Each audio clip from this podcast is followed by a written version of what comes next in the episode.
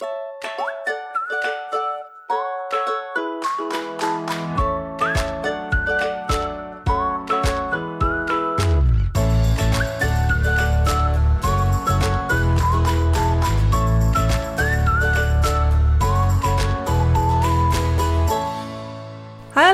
en welkom bij een nieuwe aflevering van Wat ik wou dat ik wist podcast. De podcast waarin ik deel wat ik wel eerder had willen weten en verhalen vertel waar jij je als twintiger hopelijk in herkent.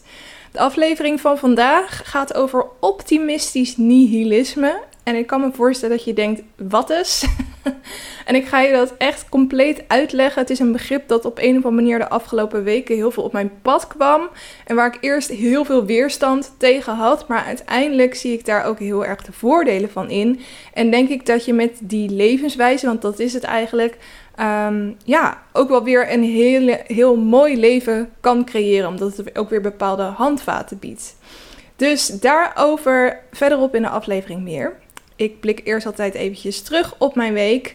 Um, ik heb afgelopen week al Sinterkerst met vriendinnen gedaan. Inmiddels een bekend begrip, denk ik. Sinterklaas en kerst vieren in één. Soms is het zelfs Sinterkerst en nieuw als je oud en nieuw er ook nog bij wil pakken. Uh, een soort oplossing voor het feit dat uh, het vaak onmogelijk is om een datum te vinden met z'n allen. En je daarom alles maar bijeen pakt. Nou ja, wij hadden hem dus al in november, dus dat zegt ook al genoeg over alle schema's. We zijn ook wel met z'n negenen, dus dan gaat het ook wel hard. Maar um, we hadden loodjes gedaan met een gedicht erbij. En um, ja, dat was eigenlijk weer super leuk. Natuurlijk om bij elkaar te zijn, maar ook om te zien wat voor gedichten iedereen voor elkaar had geschreven. Wat voor cadeaus, et cetera. En um, ik had zelf een um, koffielikeurtjes gevraagd. Of uh, koffielikeurtjes, koffiesiroopjes van Monin gekregen. Uh, ik had een verlanglijstje gedaan. Je kan ervoor kiezen om een verlanglijst te doen, ja of nee. En ik had die voor mij wel ingevuld. En ik had een doucheschuim van The Rituals. Een beetje standaard, maar altijd goed. En die van mij waren net allemaal op. En wat ik wel heel leuk vond, was dat uh, degene die mij had, uh, een vriendin van mij, Esme, die luistert ook naar de podcast. Hallo Esme. die had uh, dus mij getrokken en die was begonnen met een gedicht op gewoon een A4'tje. En dat gedicht eindigde met, het was een hele korte, um, dat het eigenlijk dus niet hoort voor mij om op papier een gedicht te krijgen, want dat is zo ouderwets en dat is helemaal niet Kelly stijl. Maak het eerste cadeau maar open. Toen maakte ik het eerste cadeau open en daar zat dus een enorm stuk karton in uitgeknipt als iPhone. En uh, daar stond een WhatsApp-gesprek op open. Uh, en dat was dus de rest van het gedicht, wat ik echt heel creatief vond. Dus um, ik was heel erg blij met mijn cadeau. En ik vond het ook weer heel leuk. Dat, dat, zeiden we ook tegen elkaar. Je bent eigenlijk zo bezig met het um, kopen voor een cadeau voor de ander. En het schrijven van een gedicht erbij. Dat je helemaal niet bezig bent met dat jij ook nog wat krijgt. Dat was eigenlijk pas die avond toen ik ging zitten. Dat ik dacht, oh, iemand is ook echt met mij bezig geweest. En wat ook wel grappig is, Esmee en ik die hadden ook uh, nog een keer afgesproken. En toen ging ze me doodleuk vragen stellen over Sinterklaas. Van, uh, oh, en uh, kom jij eruit met jouw loodje? Wat heb jij dan eigenlijk op je lijstje gezet? Terwijl zij donders goed wist wat er op mijn lijstje stond, omdat zij mijn loodje had getrokken. En ze kon echt steengoed liegen. Dus pot voor jou, Esme, als je dit luistert. Anyway, um, dat was dus uh, ja, wel een beetje het hoogtepunt van mijn week. Heel rustig weekend gehad. Ik heb een appeltaart gebakken. Daar kom ik straks nog op. En dat is eigenlijk het enige wat ik in mijn weekend heb gedaan. Vooral heel veel op de bank gehouden. Het was ook echt kut weer natuurlijk. Um, en ik kijk vooral gewoon heel erg uit naar de volgende maand. Dus dit is ook weer zo'n afsluitingsaflevering. Ik ga terugblikken op het boek wat ik heb gelezen en een nieuw boek uitkiezen. Ik ga terugblikken op de challenge die ik in november heb gedaan en een nieuwe voor december aankondigen.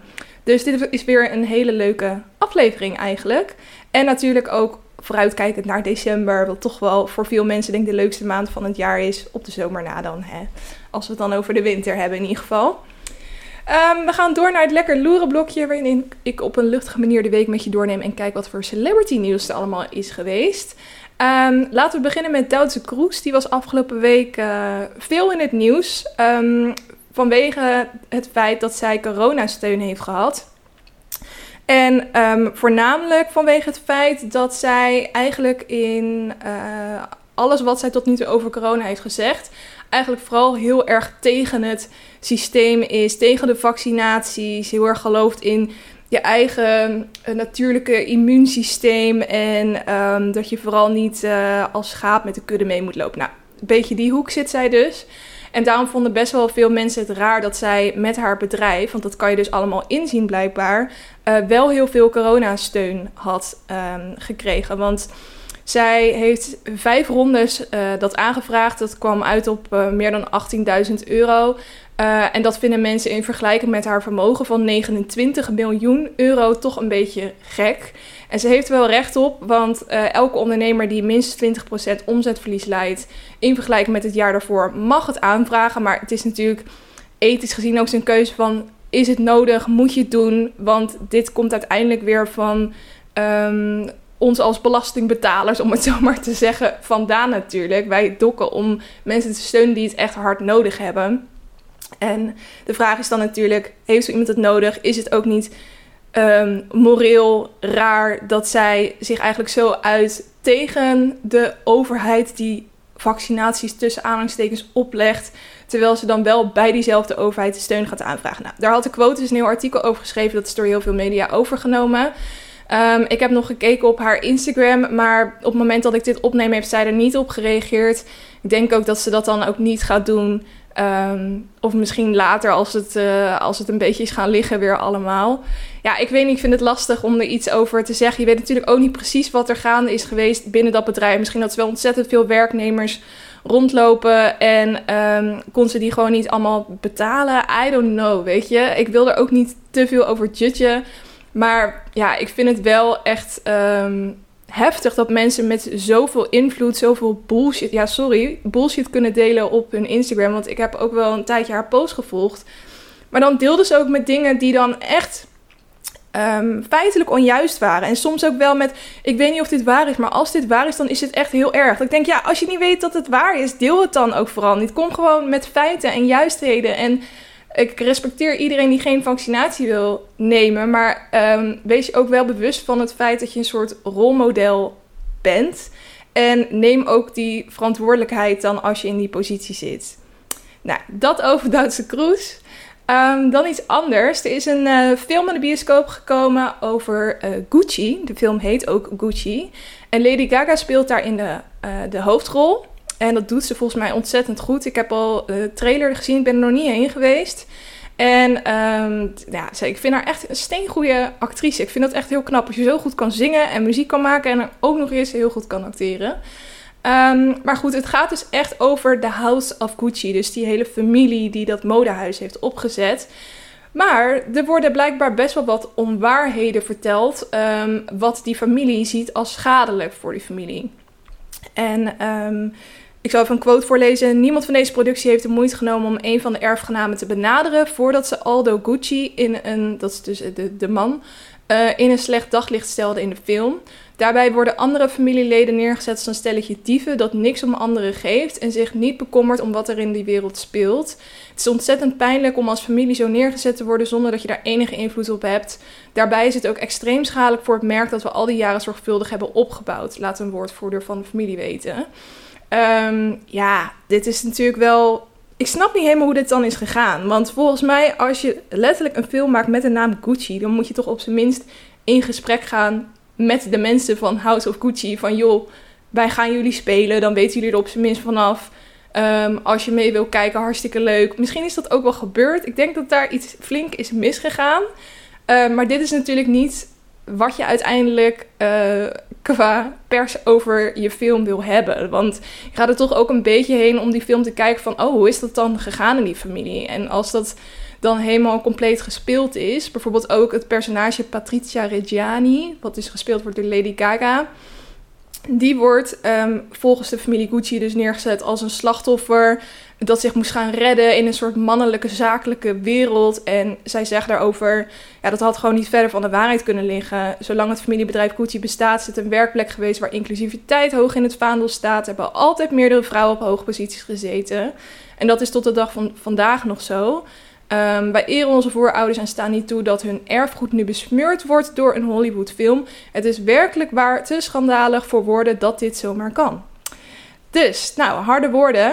Uh, ik ben benieuwd hoe dit verder nog gaat lopen. Ja, ik denk dat mensen gewoon, dat die, dat die mensen die die film hebben geproduceerd denken, fuck it. Uh, wij krijgen superveel ehm, mensen nu naar de bioscoop. Misschien juist van, weet je wel, alle, alle hoe zegt het ook weer? Bad press is good press. Of al, alle pers is goede pers of zo. Want dit uh, verspreidt natuurlijk ook alleen maar weer ja, het feit dat deze film er is.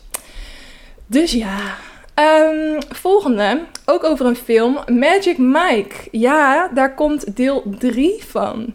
Dat vond ik toch eventjes leuk om te delen, want uh, het is toch een fijne film om naar te kijken. Hè? Esthetisch zit het goed in elkaar. en vooral natuurlijk vanwege Channing Tatum. Ik zit te denken of, volgens mij heb ik wel eens de tweede film gezien. Maar die staat niet zo heel goed meer op mijn netvlies. Die eerste nog wel heel erg en dan vond ik Magic Mike ook super sexy in. Nu is Channing Tatum natuurlijk wel van looks een klein beetje veranderd. Dus ik vraag me af uh, in hoeverre dat in het derde deel naar voren komt. Um, ik lees ook nog niet heel duidelijk of hij er weer in zit, lijkt mij wel. Um, en wat ook wel grappig is, ik weet niet of je dit al wist, maar überhaupt het Magic Mike concept, dat is losjes gebaseerd op het leven van Channing Tatum. Want die heeft dus in zijn jongere jaren als stripper gewerkt, wat het eigenlijk nog leuker maakt. Nou, in 2015 kwam toen Magic Mike XXL en nu komt dus deel 3 en dat heet Magic Mike's Last Dance. Um, het wordt gemaakt voor de streamingdienst HBO Max en waarschijnlijk komt het ergens volgend jaar uit. Maar um, ja, hopelijk is er als je het HBO Max niet hebt ook nog wel een andere manier om het tegen die tijd te kijken. Ik denk het wel hoor. Ik denk dat er ook nog wel een manier komt in het in Nederland uh, te gaan kijken. Dus daar kunnen we alvast naar uitkijken. Dan het laatste nieuwtje. En dat is dat um, ja, K2 zoekt K3 is natuurlijk geweest. Uh, er is een, nieuw meisje gevonden wat zich aansluit bij uh, nou, K2 dus eigenlijk. In de originele K3 zat natuurlijk Kathleen. Dat was toen de blonde. Nou, die wilde op een gegeven moment uit. Toen kwam dus voor het eerst het programma K2 zoekt K3. Dat was in 2009. Toen hadden ze Josje gevonden uit Nederland. En die werd toen de nieuwe zangeres naast Karen en Christel. Um, toen in 2015 besloot ze alle drie te stoppen. Toen moesten ze op zoek naar een volledig nieuwe K3. Nou, dat werd toen Hanne, Marten en Klaasje. En nu is um, Marten er dus uitgestapt. En moesten ze dus op zoek naar een nieuw derde lied. En dat is Julia geworden. Maar er was nogal wat ophef, want um, eigenlijk was het programma een soort van diverser gemaakt. Want niet alleen uh, meiden konden zich aanmelden, maar ook uh, mannen, uh, non-binaire mensen, mensen met een kleurtje, zoals Gert Verhulst zo mooi zei in een interview. en um, nou, daar was het best wel divers, maar uiteindelijk in de finale stonden er bijna alleen maar blonde, blanke meisjes. En toen heeft het programma dus, ook omdat er dus weer een blond meisje gewonnen heeft Um, toen heeft het programma dus best wel uh, ja, wat kritiek gehad. Van je had zo'n mooie kans om het diverser te maken en nu heb je die niet gegrepen. Nou, uh, Gert Verhulst vindt dat dus onzin. Hij zegt um, niet wij, maar de getalenteerde jongens, de gekleurde moslimmeisjes en de non-binaire zang- en danswonder in Vlaanderen en Nederland hebben hun afspraak met de geschiedenis gemist. Waarmee uh, hij bedoelt van, um, nou die oproep hebben we bewust heel breed gehouden. Maar ik zag eigenlijk gelijk al dat de mannelijke kandidaten, dat was ongeveer 10 tot 15 procent van de aanmeldingen. Dus statistisch gezien was de kans gewoon heel groot dat we opnieuw een meisje zouden verwelkomen. Um, en het is echt niet zo, want mensen zeiden, oh misschien is Vlaanderen en Nederland nog niet klaar voor iets anders dan een meisje. En toen zeiden ze, hij zegt daarover nee, dat is gewoon omdat we al jaren van K3 houden en we zien het gewoon voor ons als een meisjesgroep. Dus dat heeft niks met de tijd of diversiteitsdiscussies te maken. Uh, en dat is natuurlijk wel lastig soms van. Um, want hij zegt nu eigenlijk, zij was gewoon de beste en we gaan voor de beste.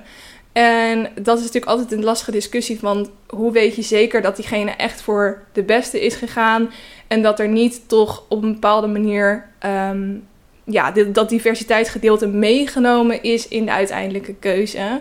Nou ben ik het wel met hem eens dat ik zou het ook heel gek vinden. Aan de ene kant heel vet, maar ook wel heel raar als er opeens een man daar zo tussen zou staan. Dat lijkt me gewoon ja, ik weet niet. K3 is voor mij ook wel echt gewoon een meidengroep. Dus ik, ik snap wel waar die uh, vandaan komt. Maar ik vond het wel een interessante discussie. En alleen maar goed dat die gevoerd wordt, uh, natuurlijk. Dus dat was het voor het lekker loeren blokje. Dan gaan we door naar het lekker leven blokje. Waarin ik allerlei tips geef om jouw leven lekkerder en leuker te maken. Uh, om maar even met dat lekkere te beginnen. Um, de maand december gaat natuurlijk beginnen Uh, op de dag dat deze podcast uitkomt zelfs, woensdag 1 december. En um, dat betekent dat ook heel veel adventskalenders beginnen. Ik ben echt gek op adventskalenders. Ik vind het gewoon een heel leuk idee dat je elke dag een klein cadeautje voor jezelf hebt. Um, het gaat voor mij ook vaak gewoon om het idee dat je een cadeautje krijgt en niet eens heel erg wat datgene nou is. Um, dus ik heb ook weer gewoon een 1 euro uh, chocolade adventskalender. Gewoon omdat ik dat leuk vind. Terwijl het niet eens super lekkere chocola is. Maar wat ik ook heb is, um, en dat had ik vorig jaar ook, een wijn adventskalender. Het kan heel goed zijn dat ik het vorige week ook al, of sorry, vorig jaar ook al getipt heb. Maar um, ja, ik hou gewoon wel van wijn. Mijn vriend houdt wel van bier. En je moet jezelf toch af en toe een beetje verwennen. Dus um, wat wij vorig jaar hebben gedaan, doen we nu weer. We, mijn vriend heeft een uh, wijnadventskalender, waar dus ook allemaal lekkere speciaalbiertjes in zitten. Uh, van Bierwolf heeft hij die. Geen idee of het nog verkrijgbaar is eigenlijk. Maar je hebt allerlei verschillende bier-adventskalenders. En ik heb dus een wijn-adventskalender. Ik heb die van de Aldi. Die hadden ze vorig jaar ook. Dat is wel de goedkoopste die je kan vinden. Volgens mij kostte die 40 of 50 euro. En um, ik, ik, denk dat die misschien nu al uitverkocht is, maar je hebt ook nog wel andere wijn-adventskalenders die je online kan vinden. En dan heb je gewoon elke dag, het zijn natuurlijk hele kleine flesjes, je hebt gewoon één glas wijn dan per dag. Um, maar het is wel heerlijk om jezelf daar s'avonds eventjes mee te verwennen. En wel een soort van de leukste volwassen adventskalender. Sowieso vind ik het heel tof dat ze in Nederland daarmee zo aan het uitbreiden zijn. Ik weet echt nog wel de tijd dat je alleen chocolade adventskalenders had. En dat was het wel. Maar nu heb je ook met geurkaarsjes, met badproducten. Um, thee zag ik zelfs. Um, nou, je kan het zo gek niet bedenken en er is een adventskalender van. En eigenlijk vind ik dat veel leuker, want het is natuurlijk vaak wel wat prijziger. Maar um, je smeert in principe heel veel kleine cadeautjes over een lange periode uit. In plaats van dat je één groot cadeau met kerst hebt. Dus um, ik vind het wel een hele leuke manier om jezelf te verwennen. Dus ga eens kijken. Bedenk even waar jij, wat jij echt veel gebruikt. Wat je veel drinkt. Wat je veel eet. Uh, en zoek eens of daar een adventskalender uh, van is. Um, want nu heb je misschien nog net de tijd. Het is nog net de eerste week van december om daarmee te beginnen. Dan een leuke doetip. Ik uh, zei het al in het begin van de aflevering dat ik dit weekend een appeltaart heb gebakken. Ja, ik, ben, ik vind bakken heel leuk, maar ik ben ook best wel lui. Dus vaak komt het erop neer dat ik toch een bakpakket pak. maar deze keer had ik een appeltaart helemaal from scratch uh, gemaakt. En ik dacht ook, ik ga... Mijn doel is eigenlijk om een recept te vinden um, dat ik gewoon de rest van mijn leven kan gebruiken voor appeltaart. En waarvoor mensen dan ook echt zoiets hebben van... wow, deze is echt lekker. Waarvan later mijn kinderen gaan zeggen van...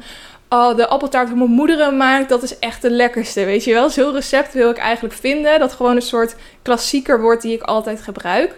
Maar ja, dan moet je natuurlijk wel een beetje net iets anders hebben dan anderen. Dus ik had nu een recept gevonden van rutgerbakt.nl. Eh, het heet letterlijk de lekkerste appeltaart recept.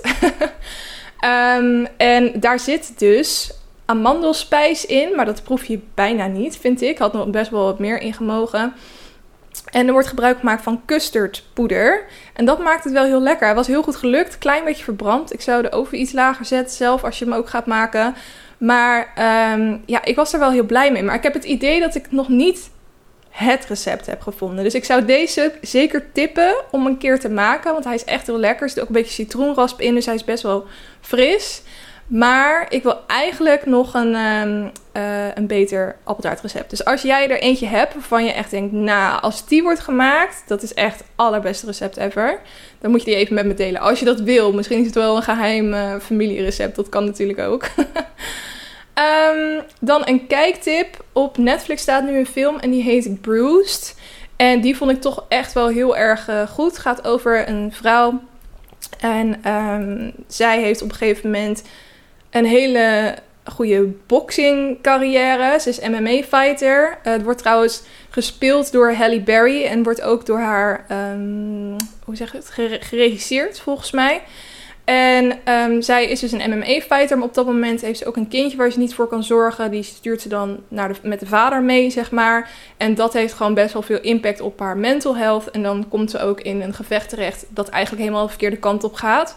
Wat ervoor zorgt dat zij de vier jaar daarna um, zich helemaal niet meer bezig wil houden met vechten. Nou, dan kom je dus op het punt waar de film begint. En dat is dus dat zij eigenlijk een beetje in de put zit Ehm, ook niet meer wil vechten. Ze zit in een eh, ehm, agressieve relatie. Ze wordt geslagen door haar man. En eigenlijk gaat het allemaal niet heel erg goed. Dan staat ook nog haar vierjarig kindje op de stoep. Want zijn vader is overleden. Hij dacht dat zijn moeder ook altijd dood was. Want dat zei die vader. Maar die was dus gewoon uit zijn leven verdwenen. Maar goed, nu moet zij dus opeens weer voor haar zoontje gaan zorgen. Ehm, en ondertussen krijgt ze ook weer de drang om te gaan vechten. Ook omdat het geld een beetje op is en je natuurlijk ehm, met die gevechten geld kan verdienen. Dus zij gaat, gaat weer trainen en probeert weer uh, de ring in te komen. Uh, en dat is uh, waar de film over gaat. Ik vond hem mega goed, ook super goed gespeeld. En um, ja, ik vind het toch wel heel vet eruit zien als iemand zo goed kan vechten. Ik vind, kan er aan de andere kant ook niet naar kijken als er allemaal bloed in het rond vliegt. En je ziet dat iemand gewoon. Ja, ik vind het ook apart dat. Um, misschien is dat dan ook gewoon een fictiefilms die ik kijk. Maar als je in, in een fictiefilm uh, twee van dit soort klappen worden uitgedeeld die die vrouwen uitdelen, dan ligt diegene gewoon met een uh, zware hersenschudding of zelfs in coma in het ziekenhuis. En hier staan ze gewoon vijf rondes in de ring dat soort klappen aan elkaar uit te delen. Ik weet niet helemaal hoe dat werkt, maar ik vind het wel ontzettend vet als je zoiets kan. Het is letterlijk niks voor mij. Ik zat deze film, mijn vriend zat een beetje mee te kijken. Toen zei hij van, als ik iets moest kiezen wat zeg maar het vers van jou vandaan zit, wat ik jou echt nooit van mijn leven zou zien doen, dan is het dit.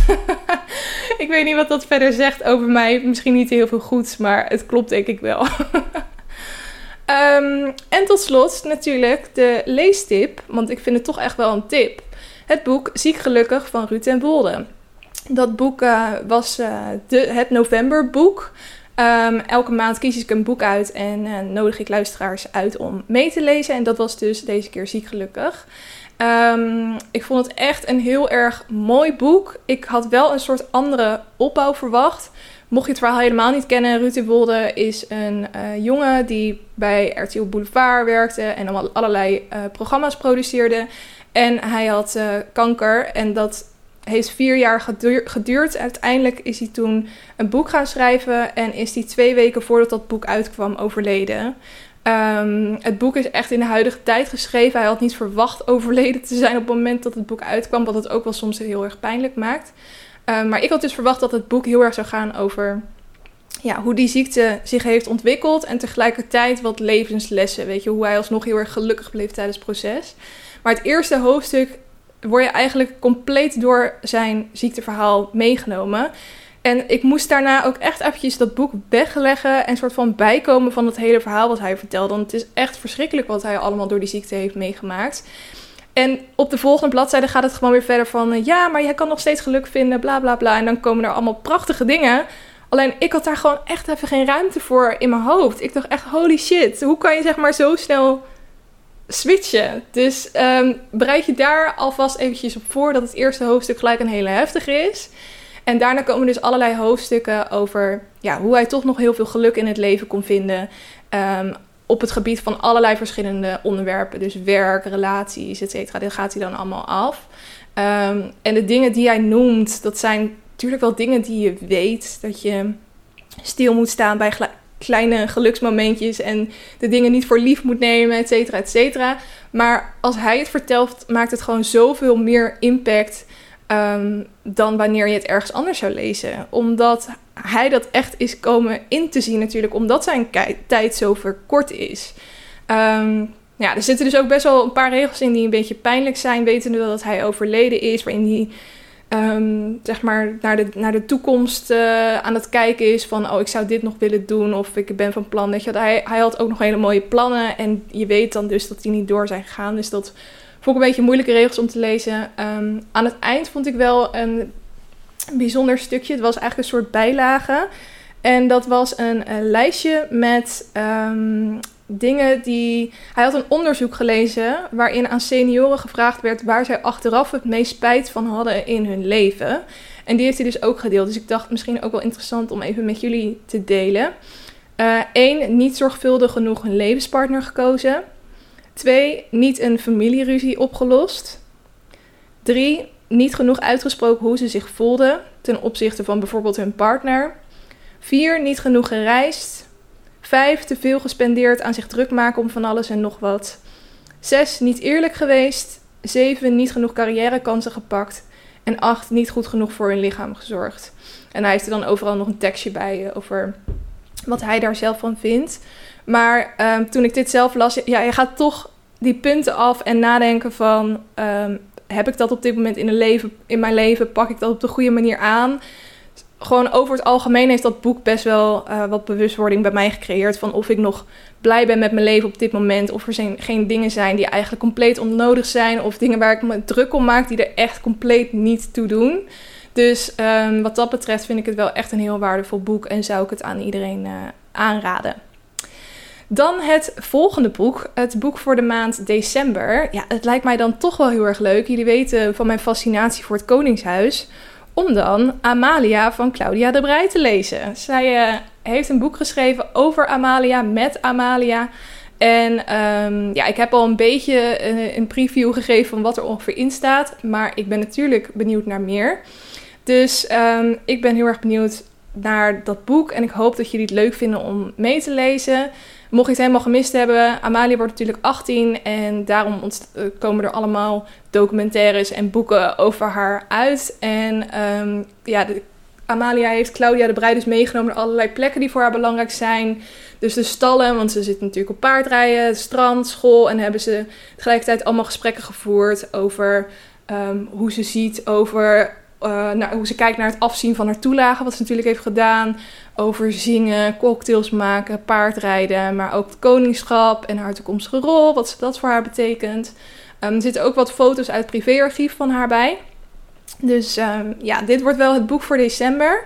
Maar het is een vrij kort boek. Hij is, even kijken, 110 pagina's. Dus daar ben je in principe zo doorheen. Dus ondertussen ben ik ook nog een ander boek aan het lezen. En die vind ik ook wel heel erg leuk. Het is echt zo'n um, ja, zo'n lekker winterboek. En ik, uh, ik hou daar gewoon heel erg van. Van een beetje van die romcoms, weet je wel. En deze heet um, The Higge Holiday. En higge is ook wel een Deens woord voor een bepaalde vorm van gezelligheid. Heel erg met dat, dat pakken en een, vuurtje aan, kaarsjes. Weet je, gewoon die, die knusse, dat knusse gevoel, daar hebben zij dus een woord voor en dat heet higge. Dus dan weet je waar dat vandaan komt. Ik zal even voorlezen waar het boek verder over gaat. Uh, het perfecte recept voor higge. Maak een warme chocolademelk, trek de gordijnen dicht, kruip onder een deken en lees je weg naar geluk. Het is herfst in Youthorpe en iedereen is somber. Het is koud, miserig en de lucht is grijs. De laatste winkel in de hoofdstraat, een schattig speelgoedwinkeltje, heeft net zijn deuren gesloten. Alles gaat mis voor Youthorpe dit najaar. Tot Clara Kirstensen arriveert. Clara is op vakantie, maar ze ziet de potentie in de mooie stad, dus stropt ze haar mouwen op en gaat aan de slag. Het gaat goed totdat Joe naar Youthorpe komt om erachter te komen wat er precies aan de hand is met de winkel van zijn moeder. Joe heeft het erg druk en is erg belangrijk in de stad en hij is er zeker van dat Clara niets goeds van plan is. Niemand zou toch zo hard werken voor de lol? Kan een man die om drie uur s'nachts zijn e-mail beantwoordt de langzamere, gelukkig, gelukkigere, higge dingen in het leven leren waarderen? Dutjes, kaarsen, goede vrienden en misschien zelfs verliefd worden. Nou, je kan natuurlijk wel voorspellen hoe dit gaat eindigen. Maar ik vind dit gewoon heerlijke boeken om een beetje bij weg te dromen. En zeker als het zich in een klein dorpje waar het een beetje sneeuwt afspeelt, dat maakt het toch tien keer leuker. Dus eigenlijk twee uh, boeken die ik uh, heb uitgekozen voor de maand december. Ik ben in deze stiekem al begonnen en hij is heel leuk. dus dan heb je alvast een kleine spoiler. Dan gaan we nu door naar het hoofdonderwerp: uh, optimistisch nihilisme. Um, ik las over dit onderwerp in Ruud's boek ook en ik bedacht me toen weer wat een bijzondere levensinstelling ik dit vind. En ik kom er nog uitgebreid op terug wat voor instelling dat dan is. Maar laat ik even beginnen met die van mij. Um, hoe ik in het leven sta, is ik, ik geloof er gewoon heel graag in dat de dingen die ik doe, dingen die ik meemaak, met wie ik spreek, welke stappen ik zet in het leven, dat die belangrijk zijn of bijzonder of waardevol. In ieder geval voor mij. Hoeft niet voor andere mensen, maar voor mij is het allemaal heel bijzonder en waardevol. En um, vind ik dat ook fijn om op zo'n manier erover na te denken. Um, iedereen is natuurlijk met zijn eigen leven bezig, dat weet ik wel. Uh, maar zo ik ook met die van mij. En ik vind het gewoon fijn om te fantaseren en te dromen en te visualiseren. En die dromen dan uit te laten komen. En er dan ook heel erg bij stil te staan. Hoe bijzonder dat is. En ja, je kan het een vorm van romantiseren noemen. Uh, romanticizing your life. Maar ja, ik ga er gewoon heel erg goed op. En ik geloof ook heel graag in dat dingen vaak gebeuren hoe ze hadden moeten gebeuren. Ook omdat ik dat vaak in het verleden heb gehad. Bijvoorbeeld een huis niet krijgen en dat je daar dan heel erg van baalt. Maar dan opeens komt er een veel betere op je pad. En ben je zo blij dat je niet voor dat vorige huis bent gegaan. Of uh, je baan verliezen en dan word je gedwongen om iets anders te gaan doen. En dan ga je stiekem doen wat je altijd al wilde doen. En gewoon dat soort dingen, weet je wel. En natuurlijk, je weet het nooit. Voor hetzelfde geld is er toen, uh, ben je alsnog een kans beter uh, misgelopen. Omdat er daarna weer een betere kans had geweest.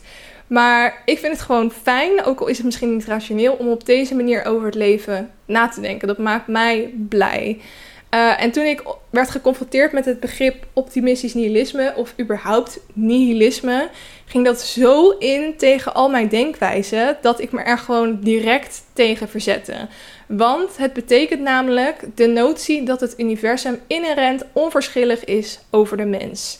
En uh, optimistisch nihilisme is dus dat dat ook gezien wordt als iets positiefs. Nou, ik hoorde voor het eerst hiervan van mijn vriend, want hij zat te vertellen dat zijn beste vriend hier heel erg in gelooft. En ik kon me er gewoon niks bij voorstellen. Want eigenlijk zeg je dus dat uh, letterlijk niks ertoe doet. Alles gebeurt zonder reden. Er bestaat niks zoals het lot. Niks heeft een diepere betekenis. Niks heeft een bepaalde waarde waar we in geloven. Het is allemaal niks. Het is allemaal niks in principe. En wat dat bij mij teweeg brengt, is waarom zijn we dan in godsnaam op deze aardbol? waarom zouden we dan überhaupt nog iets van het leven proberen te maken als het toch allemaal geen reet betekent? En ik moest ook een beetje denken aan uh, Nietzsche. Ik heb een paar jaar filosofie gehad.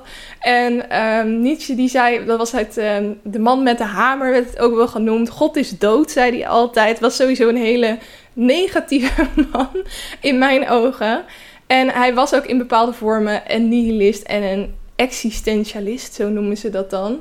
Om een klein beetje een beeld te geven, hij geloofde niet in de moraal. Dus dat, hij geloofde niet dat morele waarden uh, geldig waren, want moraal is een subjectief iets. Maar dan kan je dus ook nooit zeggen of iets goed of fout is.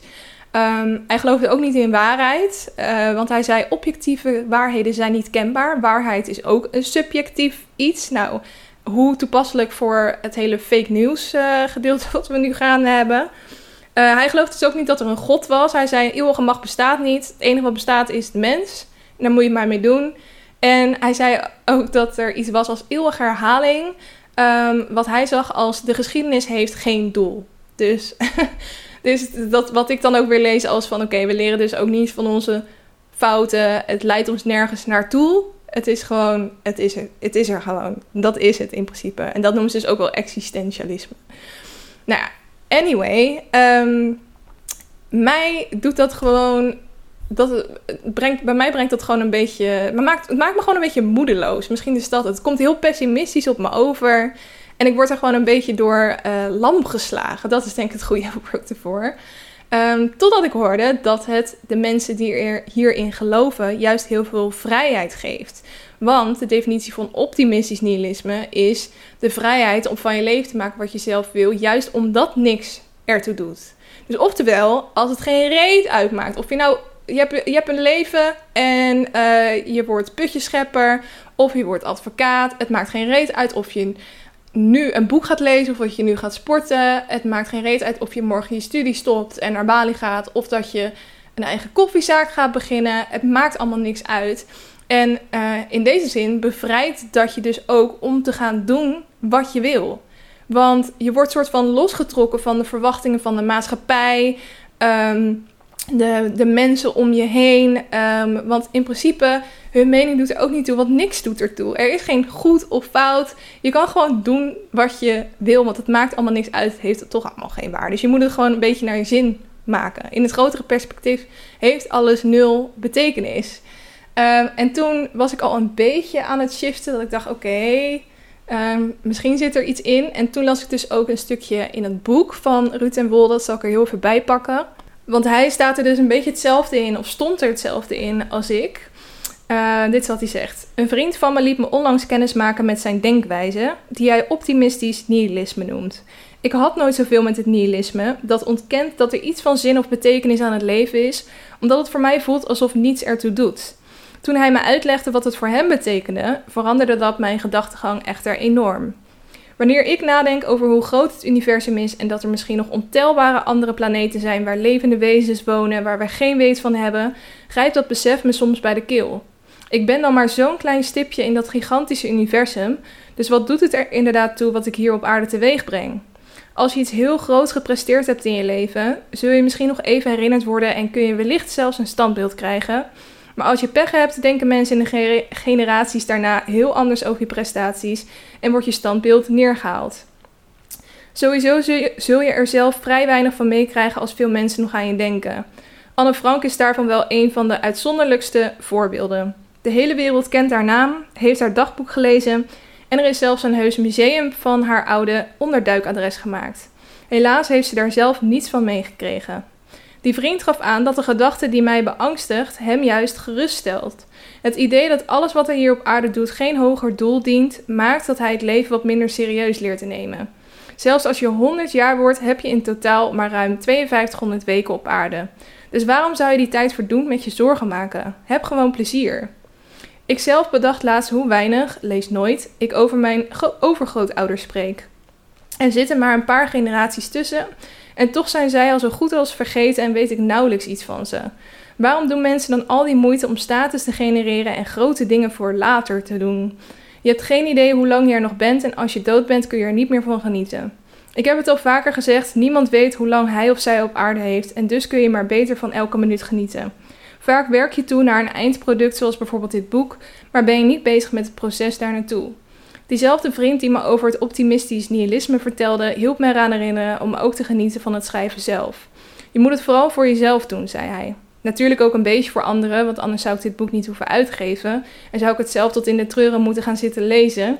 Maar het belangrijkste is om er nu en straks van te genieten dat anderen het kunnen lezen en we het er samen over kunnen hebben. Het is voor mij niet een soort nalatenschap waar anderen over kunnen praten als ik er niet meer ben. Ik wil er juist nu met elkaar over praten. Want over een aantal decennia zal ook ik, hoe droevig ook, door de meesten vergeten zijn. Nou, dat vond ik wel een heel mooi stuk. En eigenlijk precies hoe mijn gedachtegang wat dit onderwerp betreft ook gaat. Ehm, en ook hierdoor dacht ik van ja, er zit gewoon best wel ehm, wat in. Uh, we willen er gewoon niet over nadenken dat we straks allemaal vergeten zijn. Dat we willen ons belangrijk voelen en bijzonder voelen. En toch is het zo. Over een paar generaties weet echt niemand dat jij überhaupt bestaan hebt. Eh, tenzij ze echt heel ver in uh, het stamboek, stam, stamboomboek gaan terugbladeren. En ik zat ook te denken van ja, ik weet eigenlijk ook best wel weinig van de ouders van mijn opa en oma. Laat staan de generaties daarvoor. Wat ik ook wel jammer vind. Misschien zitten echt hele vette, bijzondere personen tussen. Maar ik, ja, voor mij is dat gewoon zo ver van mijn bedshow. Um, en dat leidt dan ook tot het inzicht. Waarom zijn we nu zo bezig met status, met doelen bereiken, et cetera. Um, want in principe, de enige reden waarom je het zou moeten doen, is omdat het je ook tijdens het proces geluk oplevert. Uh, dat je er plezier uithaalt en dat het niet. Uh, je moet het niet doen voor hoe jij later herinnerd wordt. Dat is iets wat, heel veel, wat ook zo'n bekende vraag is: van waar wil je later onbekend staan of hoe wil je herinnerd worden? Ja, door de mensen, door jouw ouders, door je kinderen word je nog herinnerd. Maar op de lange, lange, lange termijn maakt dat in principe niks uit. Um, en ik moet ook denken aan een quote van Billie Eilish. Um, dat was in een interview met Vanity Fair. Die doen elk jaar een interview met haar. En dan stellen ze precies dezelfde vragen. En dan gaan ze kijken wat het verschil is met het jaar daarvoor. Dat is echt heel leuk om te zien trouwens. Maar in een van die interviews zei ze... Toen vroeg ze aan haar, wat is jouw levensfilosofie? En toen zei Billie Eilish... Um, Everyone's gonna die and no one's gonna remember you. So fuck it. Uh, en die quote die gaat op dit moment keihard viraal op TikTok. Um, waarbij je dus dat geluid hoort en dan gaat er een nummer aan. En dan zie je in beeld allemaal mensen die ja, gewoon random shit doen. En superveel lol hebben met elkaar. En ook door die trend bedacht ik me ook alweer van ja... We moeten het leven allemaal niet zo serieus nemen. Weet je, er zijn al zoveel serieuze dingen in ons leven. Zoals die ziektes, kanker, corona, verplichtingen die je hebt, huur, hypotheek, belasting, het feit dat je überhaupt geld moet verdienen om te bestaan. Ehm, maar laten we het vooral bij die dingen houden en verder gewoon elke kans aangrijpen om lol te hebben en misschien ook iets meer scheid te hebben in het leven.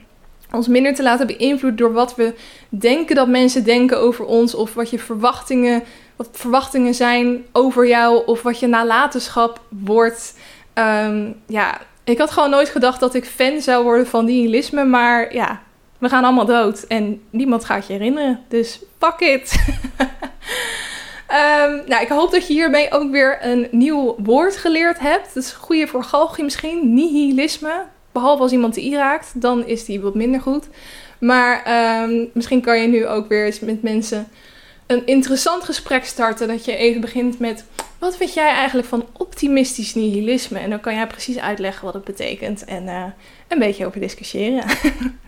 um, ik ben ook wel benieuwd hoe jij hierin staat. Of jou, jij ook zoiets had toen je het voor het eerst hoorde van... What the fuck, als niks meer iets betekent, wat doe ik hier dan nog? of dat je dacht, oh chill, nu kan ik gewoon alles doen wat ik wil. Ik denk dat dat verschillende reacties bij mensen kan hebben. Oké, ik sluit de aflevering af uh, met de challenge. Uh, in de maand november heb ik een self-love challenge gedaan. Dat ging op zich best wel goed. Ik heb echt meer momentjes genomen om mezelf blij te maken. Ik heb goed voor mezelf gezorgd.